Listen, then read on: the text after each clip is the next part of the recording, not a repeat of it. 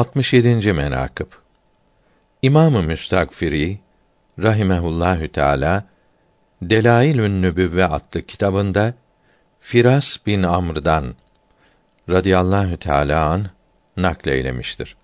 Ona Resulullah sallallahu teala aleyhi ve sellem hazretleri zamanı şeriflerinde bir baş ağrısı arız oldu.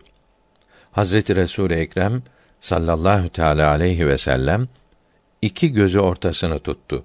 Mübarek parmaklarıyla tuttuğu yerden kirpi kılı gibi kıl çıktı. O ağrı ondan gitti. Haricilerin Emirül Müminin Ali'nin radıyallahu teala an üzerine hücum ettikleri günde Firas de onlara uydu. O vakt o kıllar alnından döküldü. O sırada o ağrı tekrar başladı. Ona dediler ki, bu iş sana haricilere uyduğun için hasıl oldu. Tövbe ve istiğfar etti ki, o kıl alnında çıkıp, o ağrı ondan tamamen gitti. Şevahidün nübüvveden alınmıştır.